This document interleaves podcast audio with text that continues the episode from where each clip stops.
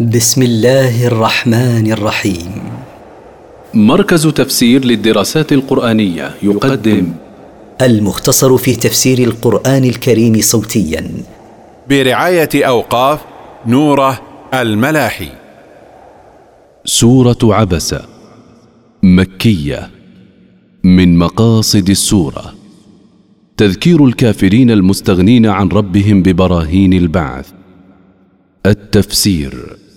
عبس وتولى قد طب رسول الله صلى الله عليه وسلم وجهه وأعرض أن جاءه الأعمى لأجل مجيء عبد الله بن أم مكتوم يسترشده وكان أعمى جاء والرسول صلى الله عليه وسلم منشغل بأكابر المشركين أملا في هدايتهم وما يدريك لعله يزكى وما يعلمك أيها الرسول لعل هذا الأعمى يتطهر من ذنوبه أو يذكر فتنفعه الذكرى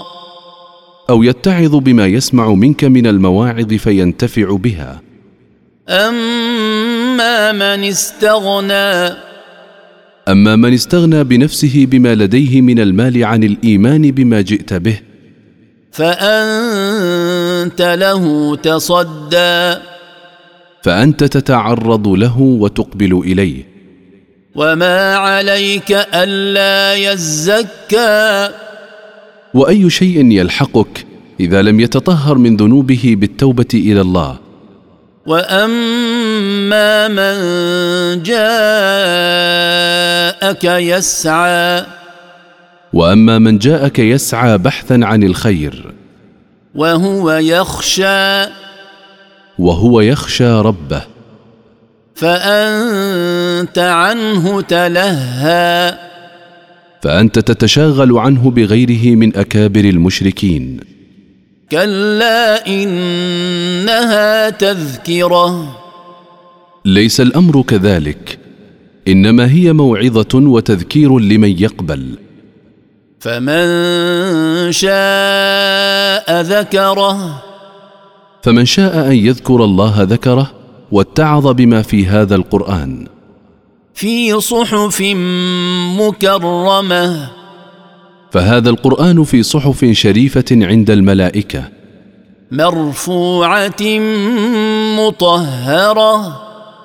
مرفوعة في مكان عال مطهرة لا يصيبها دنس ولا رجس بايدي سفره وهي بأيدي رسل من الملائكة كرام برره كرام عند ربهم كثير فعل الخير والطاعات قتل الانسان ما اكفره لعن الإنسان الكافر ما أشد كفره بالله من اي شيء خلقه من أي شيء خلقه الله حتى يتكبر في الأرض ويكفره من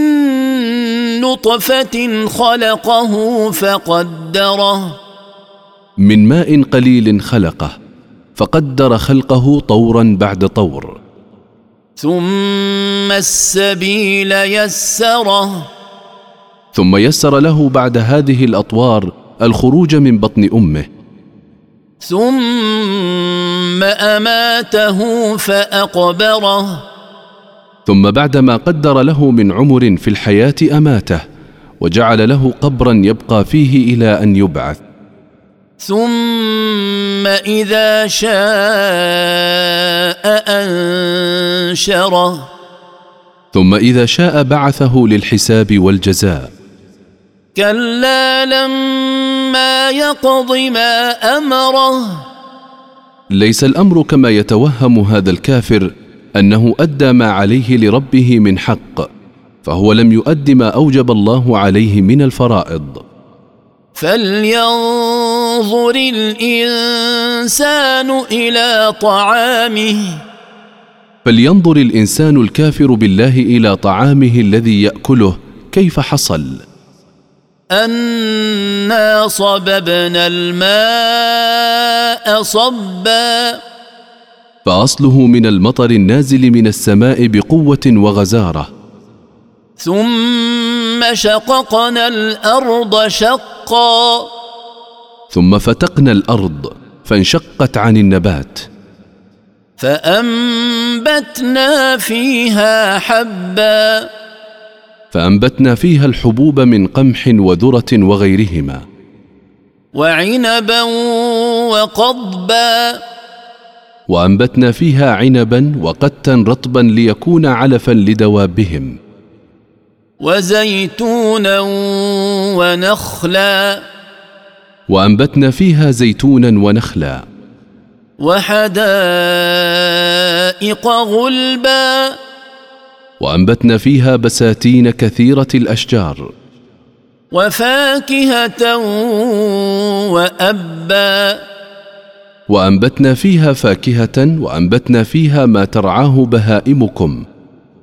متاعا لكم ولانعامكم لانتفاعكم وانتفاع بهائمكم فاذا جاءت الصاخه فاذا جاءت الصيحه العظيمه التي تصخ الاذان وهي النفخه الثانيه يوم يفر المرء من اخيه يوم يهرب المرء من اخيه وامه وابيه ويفر من امه وابيه وصاحبته وبنيه ويفر من زوجته واولاده لكل امرئ منهم يومئذ شان يغنيه لكل واحد منهم ما يشغله عن الاخر من شده الكرب في ذلك اليوم وجوه يومئذ مسفره وجوه السعداء في ذلك اليوم مضيئه ضاحكة مستبشرة ضاحكه فرحه بما اعد الله لها من رحمته ووجوه يومئذ عليها غبرة ووجوه الاشقياء في ذلك اليوم عليها غبار ترهقها قترة تغشاها ظلمه أولئك هم الكفرة الفجرة اولئك الموصوفون بتلك الحال هم الذين جمعوا بين الكفر والفجور